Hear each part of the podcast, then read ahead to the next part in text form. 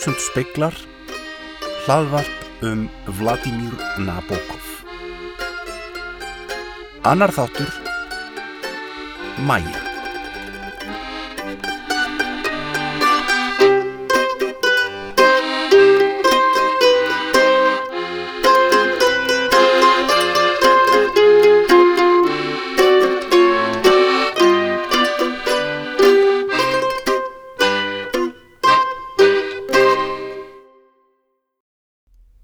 Tveir menn sitja fastir í liftu í kolniða myrkri. Annar er skrafhreifin og vil spjalla og grínast, stýta byðina. Hann talar um allt og ekkert, en fyrst og fremst um eiginkonu sína, sem hann hefur ekki hitt í nokkur ár. Þau hafa verið í fjárbúð, en munu hittast bráðum aftur eftir langan aðskilnað. Hinn maðurinn í liftunni er þögull og þumbaralegur. Hann nennir enga vegin að standa í þessum keftagangi, svarar með eins atkvæðis orðum eða jafnvel með því að hrista hausin eða kinga kolli, þótt slíkar bendingar sjáist vitanlega ekki í myrkrinu. Þannig byrjar skaldsagan Mæja eftir Vladimir Nabokov, bók sem kom út árið 1926 og var fyrsta skaldsaga höfundarins. Þessi bók hefur ekki verið þýtt á íslensku, fremur en flestar aðrar bækur Nabokovs, svo að þývingin á titlinum er mín bráðabyrra tillega. Hinn upphaflegi rúsneski titill bókarnar er Mashenka, sem er gælunafn og stytting á hvernmannsnafninu Marja. Á ennsku er bókin einfallega kalluð Mary. Skálsagan Maja gerist í Berlín og veitir dálitla einsýn inn í líf rústneskra flottamanna sem byggu þar í borg á þriði áratugnum. Í kjölfar oktoberbyltingarinnar 1917 flúði stórkostlegur fjöldi fólks frá Rúslandi til ímissa landa í Evrópu og Vestanhafs og á þriði áratugnum er talið að alltaf því 400.000 rússar hafi verið búsettir í Berlín þegar mest var. Þetta er það útlega samfélag sem Vladimir Nabokov tilheyriði sjálfur á þessum árum. Aðalpersona þessar fyrstu skáldsögu Nabokovs er Lev Glebovich Ganin, politískur flótamaður frá hennum nýstofnuðu Sovjetríkjum, búsettur í Berlín. Ganin er fyrrum kvítliði að segja liðsfóringi í her konungssinna. Hann er annar af mönnunum tveimur sem eru fastir í liftunni í byrjun bókarnar. Nánar tildegið sá sem vil helst ekkert tala.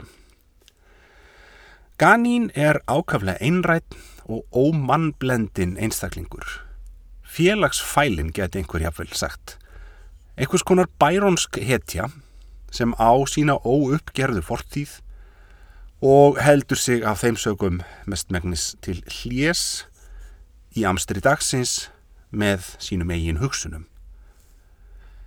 Berlín á þriði áratögnum er stórbrotin tími í európskri menningasögu, tími kabarettsins og ekspressionismans, millistrís árin, tími væmar líðveldisins, hinn gullni þriði áratögur, die goldenen zwanzíkja. En sá kultúr Sá lífsþorsti og það brjálæði sem eru aðalsmerki þessa tímabils koma lítið sem ekkert við sögu hér. Skálsagan Maja gerist að mestuleiti inn í höfðin á Ganín sem er tilfinningarlega frosinn og einhvern veginn ekki á staðnum. Hann er fastur í gamla Rúslandi, heiminum sem hann yfirgaf.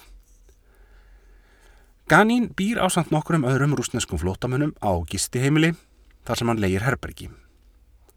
Þetta fólk hefur ólíkar væntingar til lífsins og lítur misjöfnum augum á sitt hortna heimaland.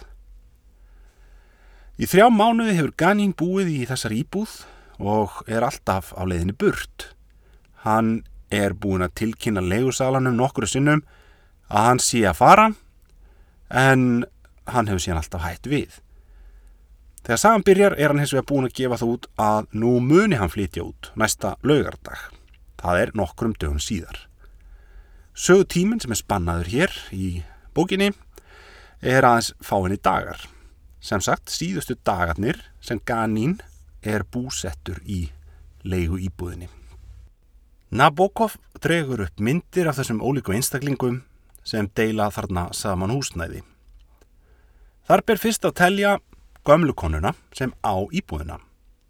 Sú heitir Lídia Nikolajevna Dorn og er ekki eftir þískan eiginmann sem hefur dáið skömmu áður en sagan gerist.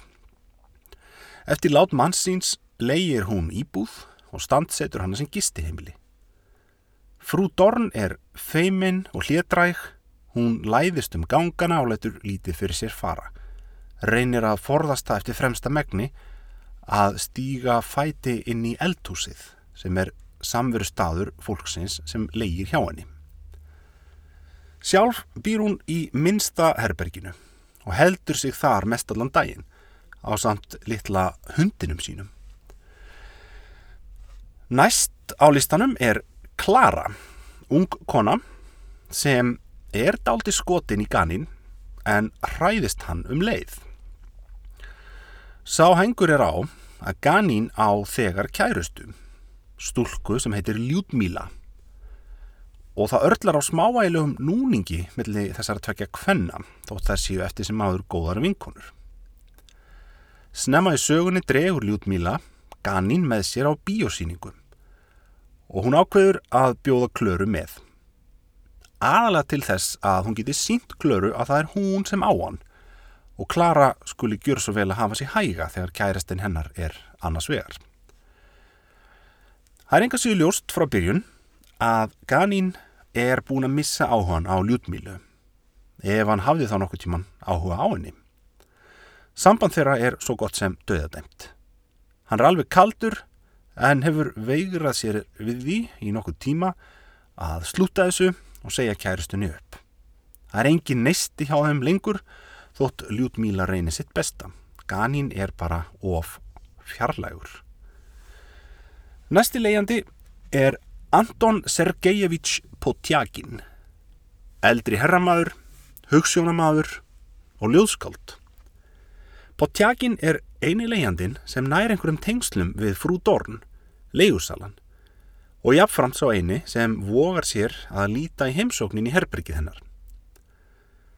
Þegar sagan gerist hefur Potjakin reynd án árangurs að verða sér út um vegabrefs áritun hjá viðjandi stopnun í Berlín því hann á sér þann draum að komast til Parísar, þar sem frænka hans býr. Þar vil hann búa líka. Og hann gerir sér vonir um að í París sé lífið betra og rauðvinið ódýrara.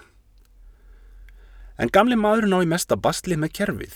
Hann er algjörlega utan gáta þegar kemur að samskiptum við þær stopnanir sem sísla með fólksflutninga á milli landa. Eftir nokkur þref tekstónum reyndar að fá leifi til að komast inn í Frakland en þá vantar hann annað skriflegt leifi til þess að komast út úr Þískalandi. Potjakin er fullur á stolti yfir Rúslandi og rúsneskri menningu. En það er eins og hans ekki búin að meðtaka byltinguna að fullum. Öllum lofræðum Potjakins um Rúsland þegar hann er í viðurvist meðlegjanda sinna er svarað á sömu leið. Rúsland hefur orðið undir í nútímavæðingunni. Það stennst enga veginn samanburð við hinn vestrænu ríki þar sem nútíma tekninni hefur verið leift að hafa sinn eðlilega framgang með líðræðislegu fulltingi. Potjakin lifir í draumi minninga um fortíðina. Hann er utan gátta í samtíma sínum og það er kannski einmitt þess vegna sem hann er eina personan í sögunni sem Ganín nær einhverjum raunverunum tengslum við. Fymtikabli skáldsögunar er samtal þessar að tvekja manna og það kemur skýrt fram að Ganín leitar til gamla ljúðskáldsins af því að hann heldur að Potjakin sé eini maðurinn sem geti skilið hann. Þetta helgast af því að Potjakin er tengtur fortíðinni, keisartímanum og gamla Rúslandi. Ganín er friðlaus en minnist síðustu árana áður hann fór frá Rúslandi sem besta tíma æfisinnar. Með því að tala við Potjakin og kveikja minningar um fortíðina vil Ganín komast nær sannleikanum í sínu eigin lífi. Gamla ljóðskaldið er ekki í öfundsverðri stöðum og líf hans er hálgerð blindgata. Hann er skáld án lesenda. Hann tafi orðagaldurs sem er einskís virði þar sem hann er stattur núna því enginn skilur hann. Ganín er kannski nútímalegt dæmi um erketýpu úr rúsneskum bókmyndum á 19. öld. Fíguru sem er kalluð hinn óþarfi maður. Þetta er rúsneska útgáfan af hinni bæronsku hetju. Ungur maður sem er orðin lífsleiður rétt eftir tvítugt finnst hann hafa lifað besta skeið æfinar og sér enga von framöndan. Frægasta dæmið um svona karakter er líklega Jevgeni Onegin úr ljóðabolki Púskins. En einni má nefna Petjórin aðalpersonu sögunar hetja vorra tíma eftir Lermontov. En einnig Platonov og fleiri personur úr leikritum Tjekovs. Einhver sinni þegar Potjakin ræðir við Ganín finnst honum drengurinn allur gladari og bjartari en venjulega og gískar á að hans er búin að finna ástina. Ganín lígur því að hann hafi byrjað ástasamband og sé að fara að hitta elskuna sína. Þetta getur lesandin útlagt með skýrskotun til yfirstandandi atbyrða en þeir tengjast einum leiandanum til sem hefur ekki verið nátt greindur enn en það er Alexei Ivanović Alfjórov hinn náungin sem er fastur í liftinu í byrjun bókarinnar og vil Olmur spjalla við Ganín um allt og ekkert. Líkt og allt hitt fólkið á gistiheimilinu er Alfjórov rúsneskur flótamaður en ólíkt flestum öðrum vil hann kasta gamla Rúslandi fyrir borð á gufuskipi samtímans. Hann er fullur af eldmóði fyrir hönd hins tæknivæta nútíma og talar fjálglega um Þískaland og möguleikana í vestrinu. Hann reynir að sannfæra Potjakin að gamla Rúsland sé farið og framundan séu aðri tímar. Potjakin er fulltrúi fortíðarinnar en Alfjórov horfir fram á veginn. Gamla ljóðskáldinu blöskrar skrifræðið í Þískalandi. Hann þarf að útfylla alls konar óskiljanleg eðblöð til að komast út úr landinu en Alfjórov blæs á alla gaggríni og segir að þetta sé einfallega til margs um nútímalega skilvirkni Þískalands. Alfjórov talar líka stöðugt um konuna sína og það fer óstjórnlega í taugarnar á sambílingum hans, ekki síst Ganín. Þau hjónin hafa verið aðskilin í sjö ár. Alfjórov var sendur úr landi en konan hans lokaðist inni í Sovjetaríkunum eftir byltinguna. Nú horfir hins vegar til betri vegar. Því kona Alfjórovs hefur loksins fengið brottfararleifi og er væntarleg til Berlínar innan forra dagan. Hún er reyndar væntanleg sama dag og Ganín hyggst flytja út úr íbúðinni og ætlunin er að hún fái að koma í herbergið hans í staðin fyrir hann. Eftir bíóferðina með Ljúdmílu og Klöru liggur Ganín andvaka í rúminu. Hann hlustar á rygninguna og sönglið í Alfjórov sem er vakandi í næsta herbergi. Ganín gengur yfir til hans. Alfjórov býður honum inn og þeir fara að spjalla. Eins og venjulega fer Alfjórov að tala um konuna sína. Hún er dásamleg, segir hann, með brunt hár og svo lífleg augu. Við giftum okkur í Poltava 1919 og svo þurfti ég að fara úr landi 1920. Ég með nokkra ljósmyndir af henni sem ég get síndir. Alfjórov rótar í skuffun eftir ljósmynd sem hann leggur á borðið og þegar Ganín sér myndina rekur hann í róastans. Hann stingur höndunum í vasan og strunsar út úr herberginu á þess að mæla orða vörum. Alfjórov veit ekki hvað hann á sér stendur veðrið. Konan á myndinni er Maja, stóra ástin í lífi Ganins, konan sem hann varði bestu stundum lífsins með.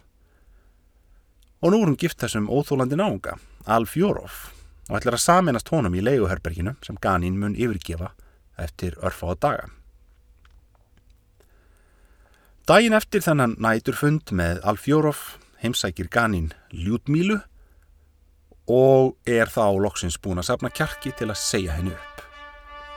Hann gefur þá skýringu að hann elski aðra konu.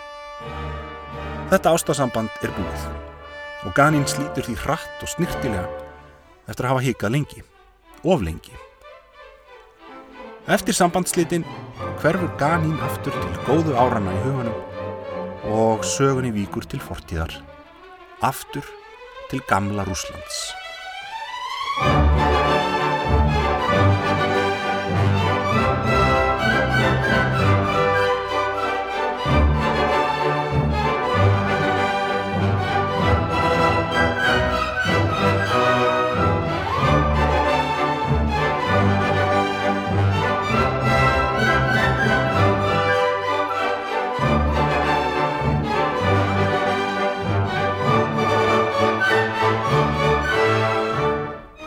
Maja, titilpersona í fyrstu skáldsögunni eftir Nabokov, er byggð á raunverulegri mannesku.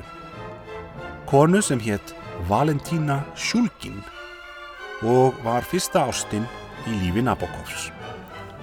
Þetta segir Nabokov sjálfur fullum fetum í aðfararorðum að ennstgri þýðingu bókurnar sem kom út árið 1970.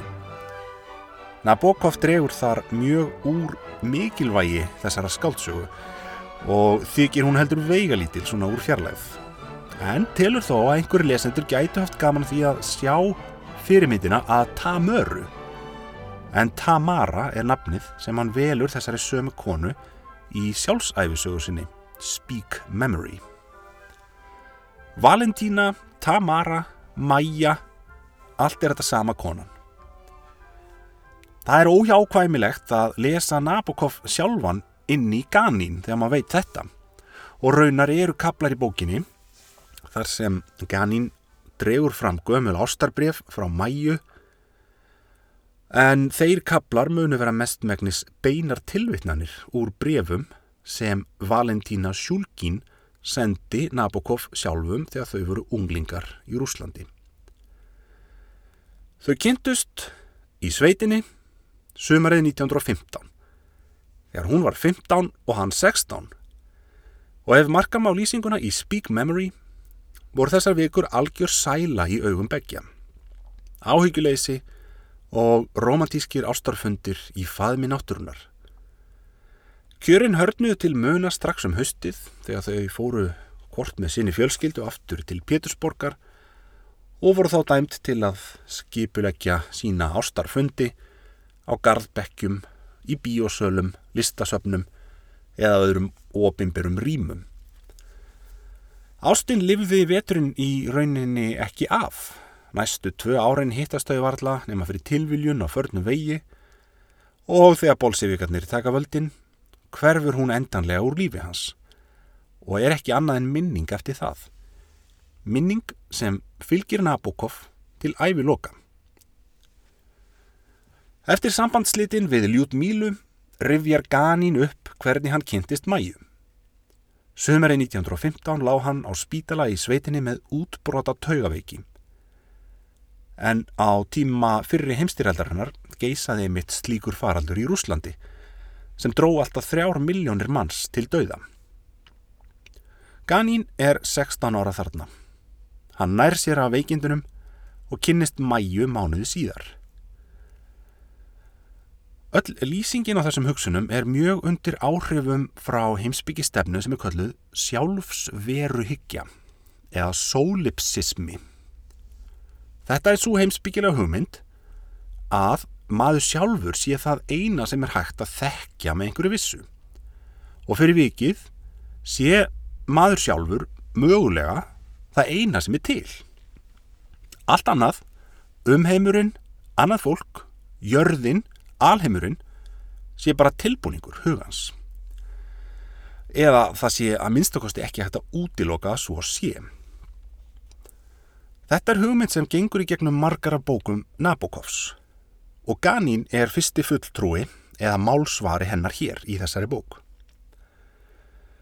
Mæja verður gamli tíminn personugerður. Tákn um gamla heimalandið sem er farið og kemur ekki aftur. Ári eftir að þau kynnast gliðna þau í sundur og það er eins og Ganín vit ekki sjálfur hvort hann vil halda áfram eða hætta. Kanski gildir hér hið fornkveðna úr sagnadansinum um Tristan og Ísönd. Þeim var ekki skapað nema skilja. Hvað sem því líður, þá eru Ímis óuppgerð mál tengt mæju og allt í einu sjáum við sérviskuna í Ganín í alveg nýju ljósi.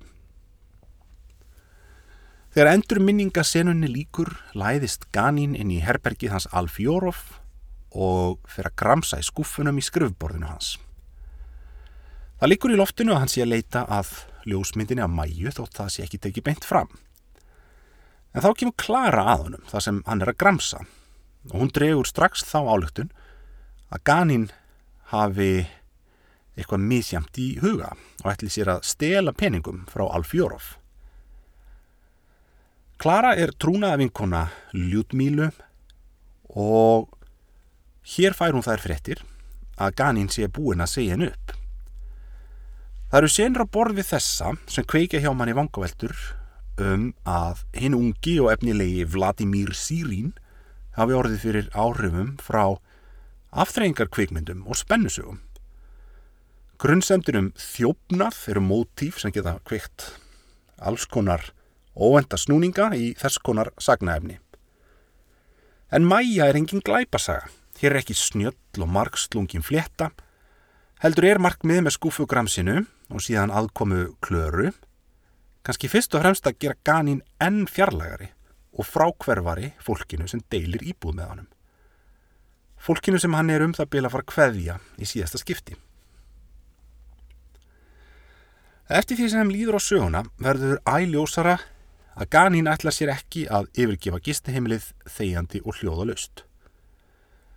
Uppgötunin um Mæju og Alfjórov setur hann í of mikið uppnám og hann getur ekki hugsa sér að rýma sitt pláss og halda út í óvissuna til þess eins að þau geti lifað hafmyggisöm til æviloka. En á þessum síðustu dögum fyrir flutningin gefur hann sér enga síðu tíma til að láta gott af sér leiða. Hann á til dæmis ljúfa samverustund með skáldinu Potjakin þar sem þeir rifja upp sitt gamla og unaðs ríka heimaland, móður Rúsland. Ganín rifjar upp sömarið þegar hann varð ástfangin af mæju en nefnir hana ekki á nafn við gamla ljóðskáldið. Mennin tveir ná saman, hvor í sínum hugarheimi. Ganín hjálpar skáldinu líka með praktísk mál og fylgir honum á skrifstofuna þar sem hann þarf að sækja um brottfara leifi frá Þískalandi. Þöggs ég ganin gengur allt snurðulöst fyrir sig og þetta verkefni sem hefur reynst gamla manninum svo armaðu fullt er allt í hennu úr sögunni. Vegabrefsárutunin rennur í gegn og Potjakin er ekkit að vanbúnaði að leggja stað til Parísar að hitta frængu sína. Því miður er hilsunni farið að raka og hjartað farið að bila Patjakin er orðin æfi hilsutæpur og hann er orðin smeykur um að hann mun ekki hafa það af. Kvöldið áður en Ganín ætlar að flytja út ákveða meðlegindur hans að halda honum hverði í hóf. Það eru fleiri ástæði til að gleyðjast. Það hefur spurst út að Patjakin sé líka á förum og muni brott láta sinn langþráða Parísar draum rætast. Svo klara 26 ára ammali og þar ofan vill fólkið samgleðjast Alfjórov sem fær nú loks að saminast sinni heitt elsku eiginkonu eftir svo langan aðskilnað. Veisluhöldin ganga þó brösulega, enda eru flestir viðstattir að glíma við alls konar áskoranir. Afmælisbarnið Klara er einn tauga hrúa, undanfarna daga hefur hún þurft að bera skilabóð frá Ljútmílu til Ganins og ger upp flækunar fyrir hennar hönd. Leigusalinn Lítiða Nikolajevna Dorn velur að samfagna ekki með hínu fólkinu, heldur leggst hún upp í rúm og likur andvaka í sinni sálar ángist. Einu maðurinn sem er í raun nógu stabíl til að sleppa sér og fagna af öllu hjarta er Alf Jórof sem er gladur og góður í stund og hefur sannlega tilefni til að skála. Þessi veislukabli undir lókbókarnar er hápunktur sögunar. Ganín kindir undir æsingnum í Alf Jórof og ber í hann áfengadrykki þar til hann missir alla stjórn, slagur um gólfið og talar án samhengis, drafar og dettur utan í húsgögn. Að lókum er hann orðin svo þjakaður að drykju að Ganín fylgir honum í rúmið. Þegar Alf Jórof leggst til sveps, byrður hann Ganín að stilla vekjara klukkuna á halv åtta. Maja ætlar að koma með lestinni klukkuna åtta í fyrramálið og hann vil mæta tímanlega á stöðina til að taka mótinni. Ganín hefur hins vegar aðrar hugmyndir. Hann er búin að ákveða, einn og með sjálfum sér, að hann ætli sjálfur að hitta Mæju á lestastöðinni og flýja með henni til Parísar. Og þess vegna stillir hann vekjara klukkuna á 11 til þess að tryggja að Alfjórof missi af henni og þau farist á mis. Þetta ráðabruk Ganíns sem setur sveip sinn á loka hluta sögunar er í raun fullkomlega órögrétt. Hann gengur einfallega út frá því að Mæja muni samþekja allt sem hann segir og fylgja honum út í óvissuna. Það er ekki fyrir í síðasta kaplanum og í rauninni á síðustu blaðsíðu bókarnar sem sagan tekur óvenda beigju. Ganín er komin lang leiðina á lestastöðuna og það bjarmar að degi. Hann staldrar við í litlum almenningsgarði og lítur í kringum sig, skoðar trén og hlustar á fugglasöngin Hann virðir fyrir sér hús sem hefur verið að byggja skamt frá. Smiðnir eru mættið til vinnu, þótt enn sé mjög snemma morguns og þau eru að vinna í þakinu sem eru varlar um að grindin enn sem komið er. Ganín lætur augun kvarla frá þakgrindinni og upp í heiminin og á sömu stundu rennur upp fyrir honum að samband hans við mæju er búið að eilífu. Það stóða eiginlega aðri lengur en í fjóra daga dagar sem voru hamingjusumustu dagar í hans lífi. Nú þegar hann er búin að velta sér upp úr minningunum og metta sálina með ímyndinni af mæju, rennur það upp fyrir honum að öll fegurðin við þessa gamlu ást er nú þegar innra með honum sjálfum.